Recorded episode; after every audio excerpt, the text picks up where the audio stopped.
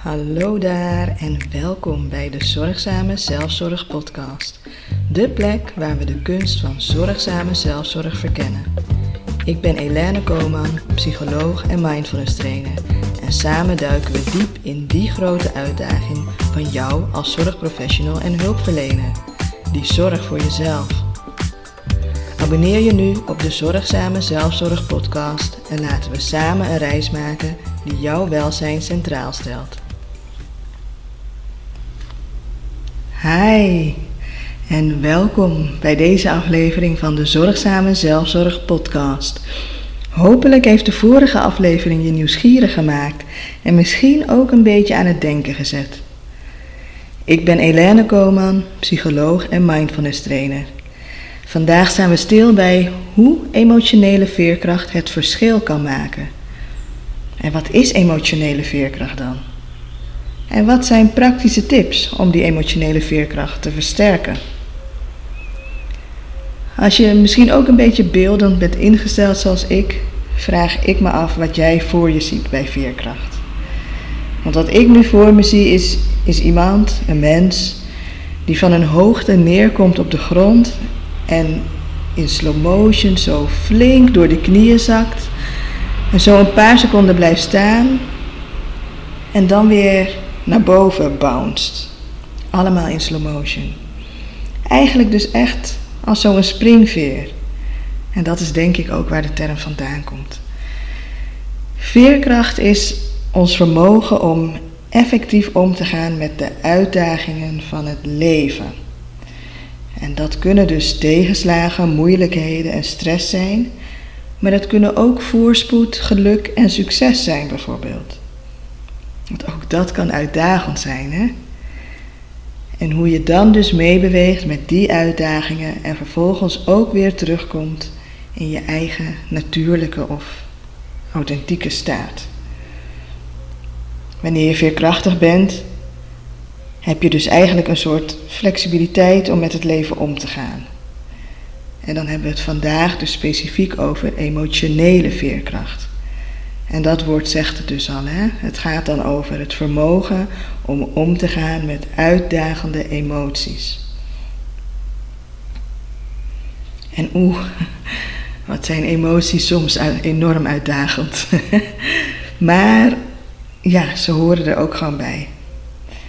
Vaak is onze neiging om emoties die we niet zo leuk vinden zo snel mogelijk weg te drukken dus die emoties die te maken hebben met die tegenslagen, met moeilijkheden en met stress. Heel vaak is dat die eerste reactie van het moet weg en ik wil dit niet. Want het is al moeilijk genoeg dat er een tegenslag is. Die emoties helpen daar niet bij.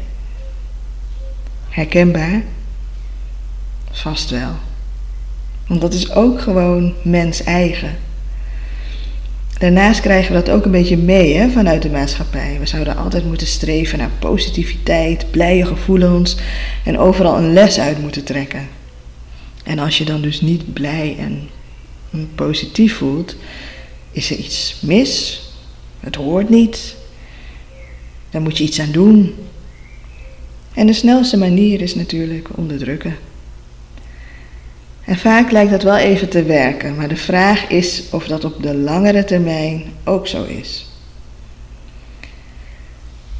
Um, als we het hebben over emotionele veerkracht, kijk je juist naar in hoeverre je in staat bent om te zien dat het bijvoorbeeld heel normaal is om je naar te voelen als er iets vervelends gebeurt. Het is heel normaal. En het mag er ook gewoon zijn, zo'n gevoel van blah, of GVD of Of hoe jij dat dan ook omschrijft. Dit zijn vooral mijn uitingen van rotgevoelens in gecensureerde vorm. Hm. Bij emotionele veerkracht ben je misschien meer in staat om je moeilijke emoties te erkennen.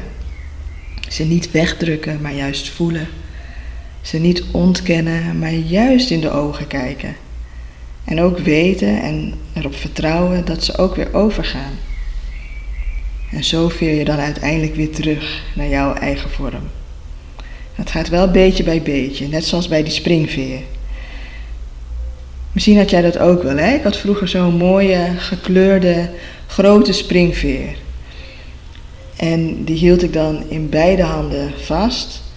En zo verplaatste ik mijn handen steeds. dus dan deed ik de ene hand hoger dan de andere en dan verplaatste die veer. En dan deed ik de andere hand weer omhoog en dan verplaatste die veer weer naar de andere kant. En dat ging ook echt zo cirkel voor cirkel. En soms bewoog ik mijn handen heel snel en soms juist heel langzaam. En zo gaat het ook een beetje met onze eigen veerkracht. En bij onze eigen veerkracht kun je daar ook allerlei vaardigheden voor inzetten. Als mens die met mensen werkt, hè, zorgprofessional of hulpverlener, heb ik, net als jij denk ik, regelmatig te maken met situaties waar emoties een grote rol spelen. Wanneer een um, cliënt bijvoorbeeld vertelt over haar situatie met een ongezonde relatie, of wanneer iemand vertelt dat een goede vriend suïcide heeft gepleegd, of wanneer je bijvoorbeeld in een ziekenhuis werkt, zul je ook te maken hebben met de emoties van familieleden of naasten. Of natuurlijk met de emoties van de cliënt of patiënt zelf. Maar het kan uiteraard ook gaan over een coachie die net met behulp van jou een inzicht heeft gekregen wat enorm waardevol is voor die persoon. Of iemand die de omstandigheden niet mee heeft, maar waar het toch opmerkelijk beter mee gaat. Allemaal emoties, soms enorm intens. Niet alleen voor die ander, maar soms ook voor ons. Want wanneer je iemand langer volgt, misschien in zijn of haar proces, ontstaat er vaak ook wel een echte band. Hè? En ook daar kun je emotioneel geraakt worden als mens. Ook als je iemand bent die zegt dat je al die emoties buiten moet houden. Want eerlijk, als het je echt niet zou raken, hoefde je ook niets buiten te houden, toch? Een tijdje geleden sprak ik een cliënt, uh, huisarts, en die vertelde dat ze die dag een euthanasie had van een patiënt. Nou ja, dat lijkt mij bijvoorbeeld ook echt wel een emotionele belasting met alles wat daarbij komt kijken. En ja, sowieso overlijden van iemand waar je mee gewerkt hebt is toch altijd wel verdrietig ook al is het je werk. En soms kan dat ook wel weer leiden tot een toename van stress. En met die al heersende werkdruk is dat niet echt iets wat je er graag bij hebt. Werken met mensen is geweldig, maar het heeft wel echt de nodige emotionele uitdagingen. En met werkdruk klinkt die strategie van het wegdrukken van emoties wel echt uitnodigend. En het zal ook wel echt een tijd goed werken hoor. Maar uiteindelijk gaat het ook enorm drukken op je emotionele veerkracht. Want even eerlijk, hoe veerkrachtig, hoe flexibel ben je als je altijd maar je emoties wegdrukt? Steeds hetzelfde doen getuigt juist niet van flexibiliteit, toch? Ik ben ervan overtuigd dat er geen enkele manier is die altijd goed is of altijd slecht is. Het gaat er naar mijn idee eerder om om een breder scala te hebben aan omgaan met moeilijke situaties en moeilijke emoties. Want als je verschillende effectieve copingmechanismen hebt, zul je ook meer veerkracht hebben. Afhankelijk van de doelgroep waar je mee werkt, kan er ook zoiets ontstaan als compassion fatigue. Ken je dat? Als je bijvoorbeeld alleen maar ellende hoort, bijvoorbeeld alleen met trauma werkt of alleen met depressie misschien, dan kun je echt emotioneel uitgeput raken daarvan. Het is een heel normaal gevolg. Maar wanneer dat gebeurt, wil je ook wel de veerkracht hebben om ook weer op te bouncen.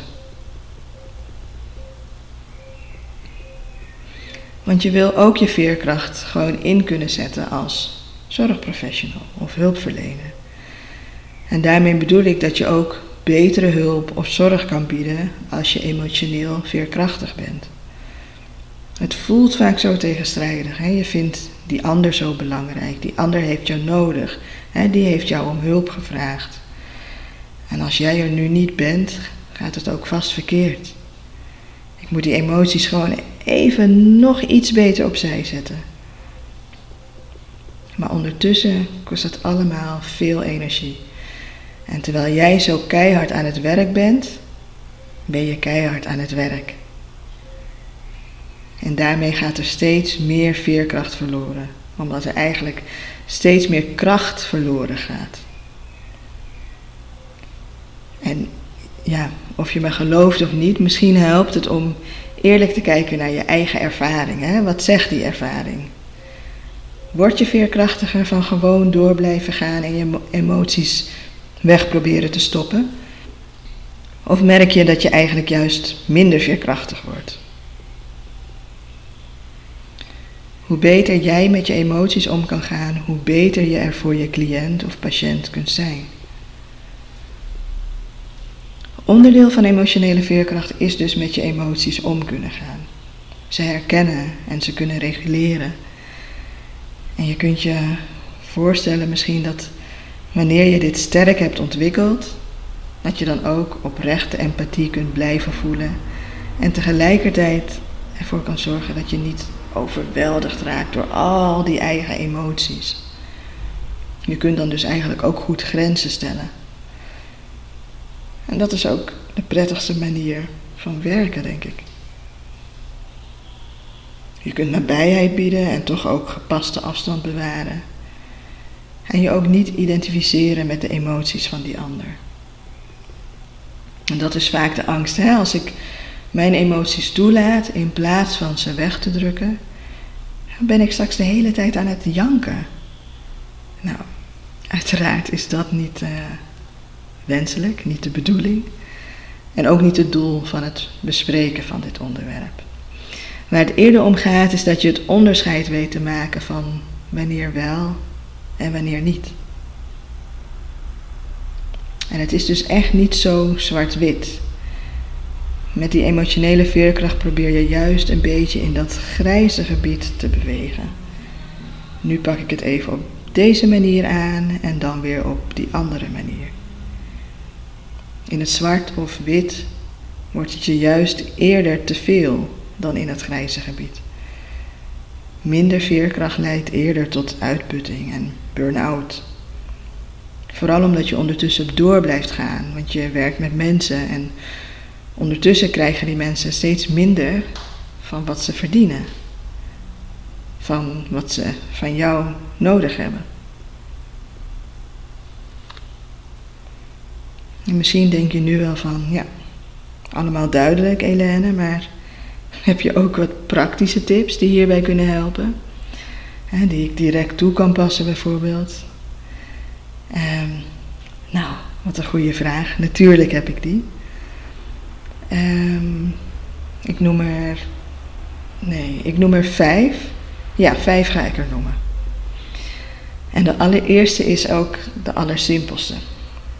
Want de basis zit hem in de basis. Dus voldoende slaap, op tijd naar bed, regelmatig eten, gezond eten. En dat dus gewoon als onderdeel van je dagelijkse ritme. voldoende lichaamsbeweging. Gebruik maken van ontspanningstechnieken.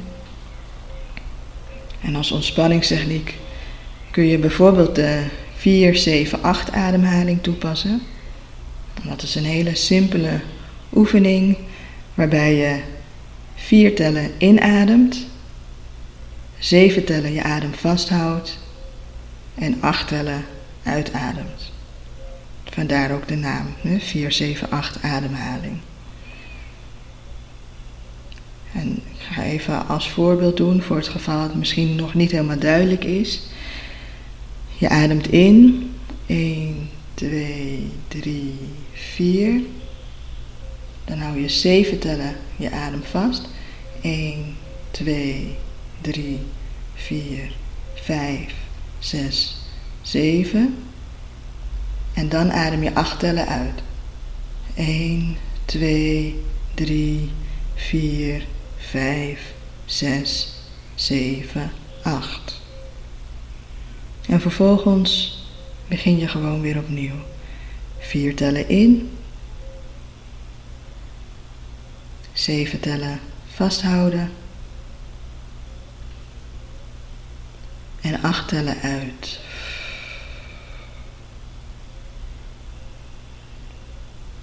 Als je hier een aantal rondes van doet, merk je dat je lichaam gaat ontspannen, dat je tot rust komt. En dat is een hele handige techniek in periodes of in tijden van stress of hoge werkdruk. om te voorkomen dat je te hard gaat uh, rennen, kun je tussendoor even zo'n ontspanningstechniek doen. Zo'n 4, 7, 8 ademhaling.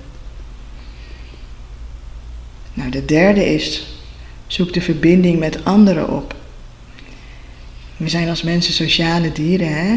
En wij hebben ook nog eens gekozen voor een beroep waarin we werken met mensen.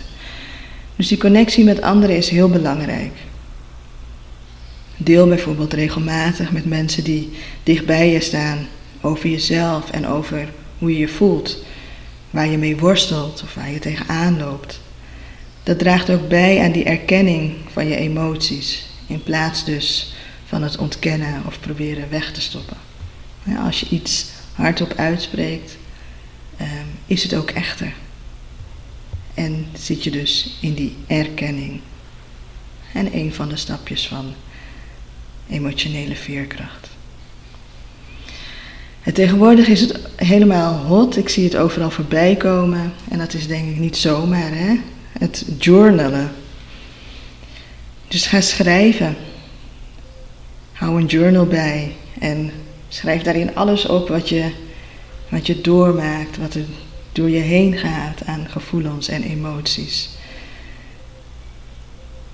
Want het heeft een beetje hetzelfde effect als het bespreken met iemand anders. Je, je erkent dat de emoties er zijn. Je erkent wat je doormaakt. In plaats van er niet over te praten, niet over te schrijven en te doen alsof het er niet is. En ik ben natuurlijk ook mindfulness trainer. Dus het beoefenen van mindfulness kan uh, niet ontbreken in uh, een van deze praktische tips die je zelf kan toepassen. En een hele simpele, korte oefening is de drie minuten ademhalingsruimte. Die kun je anytime doen, want hij duurt maar precies drie minuten. En laten we die ook even doen. Het is een oefening die bestaat uit drie delen. Uh, bij het eerste deel ga je opmerken wat er bij jou op de voorgrond staat. In het tweede deel breng je je aandacht naar je ademhaling. En in het laatste deel breid je aandacht weer uit naar je lijf als geheel. Dus deze oefening verloopt in een soort trechtervorm. Hè? Hij begint breed, versmalt dan en wordt dan weer breder aan het einde. Dus laten we deze oefening uh, gezamenlijk uh, doen. Het is een mindfulness oefening, dus ik ga je vragen om rustig te zitten. Als je deze podcast aan het beluisteren bent terwijl je aan het rijden bent of iets, dan uh, moet je deze oefening even bewaren voor het moment dat je stilstaat of dat je weer thuis bent. Ehm, maar mocht je dus al zitten, ga ik je vragen om eventueel je ogen te sluiten. Hoeft niet. Maar als je dat onprettig zou vinden, kun je ook een punt voor je nemen waar je op blijft focussen.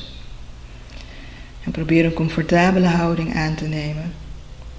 En dan ga ik je allereerst vragen om je aandacht te brengen naar wat er op dit moment bij jou op de voorgrond staat.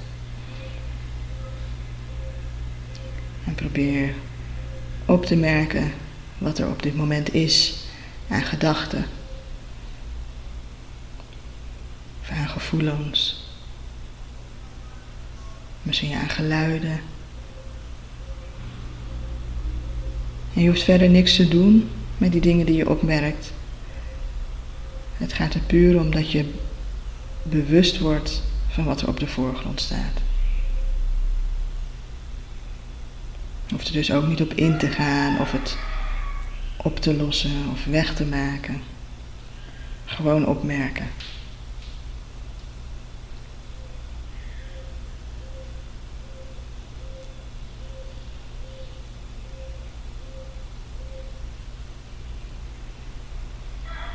Vervolgens ga ik je vragen om je aandacht te brengen naar die ademhaling.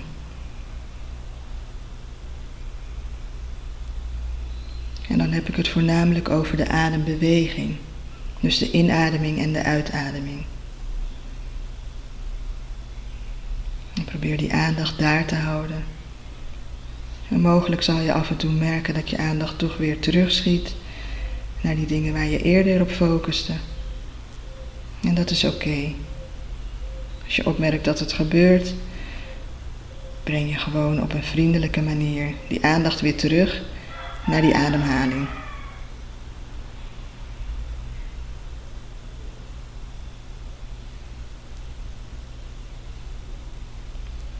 En puur die inademing en die uitademing.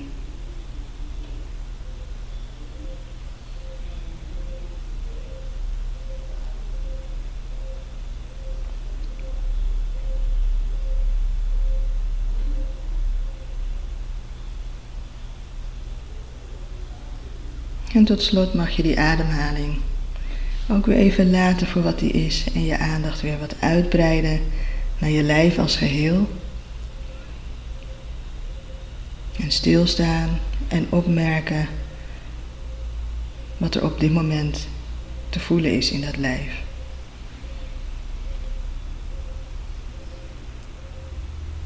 Misschien voel je dat er ergens spanning zit, of juist ontspanning onrust, ongemak. Het kan van alles zijn. Het is ook allemaal oké. Ook hierbij geldt dat wat je ook opmerkt, je hoeft daar verder niks mee te doen. Het hoeft niet weg. Het hoeft niet opgelost te worden. Het is oké.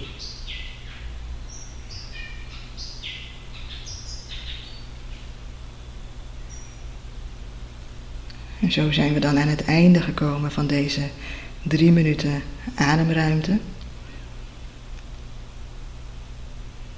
En dit is dus, omdat het zo'n korte oefening is, een hele ja, gemakkelijke, uitnodigende oefening om gedurende een dag eventjes tussendoor te doen.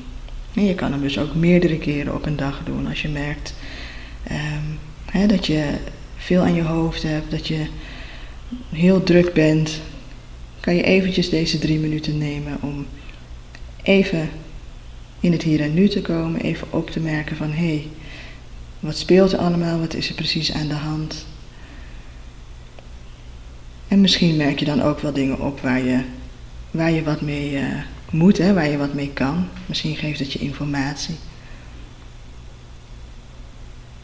En voor al deze dingen hè, die ik net heb genoemd, geldt dat het belangrijk is om ze af te wisselen. En je niet alleen maar op één ding te focussen. Nou, vandaag heb ik het dus gehad over hoe emotionele veerkracht het verschil kan maken voor jou als zorgprofessional of hulpverlener. Hoe het besteden van aandacht aan jouw welzijn de kwaliteit van zorg of hulp beïnvloedt. Hoe is dat bij jou aangekomen?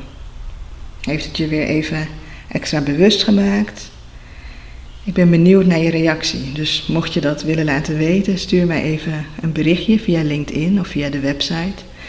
De gegevens staan weer in de show notes. En wil je op de hoogte blijven van volgende afleveringen, vergeet je dan niet te abonneren op de Zorgzame Zelfzorg podcast. Voor nu een fijne en zorgzame dag gewenst en tot snel. Dankjewel voor het luisteren naar deze aflevering van de Zorgzame Zelfzorg podcast. Ik hoop dat je geïnspireerd bent en nieuwe inzichten hebt gekregen over hoe je voor jezelf kunt zorgen te midden van de zorg voor anderen. Heb je genoten vandaag? Abonneer je dan en mis geen enkele aflevering. En als je de tijd hebt, laat een beoordeling achter op je favoriete podcastplatform. Dit helpt om de podcast te verbeteren en meer luisteraars te bereiken.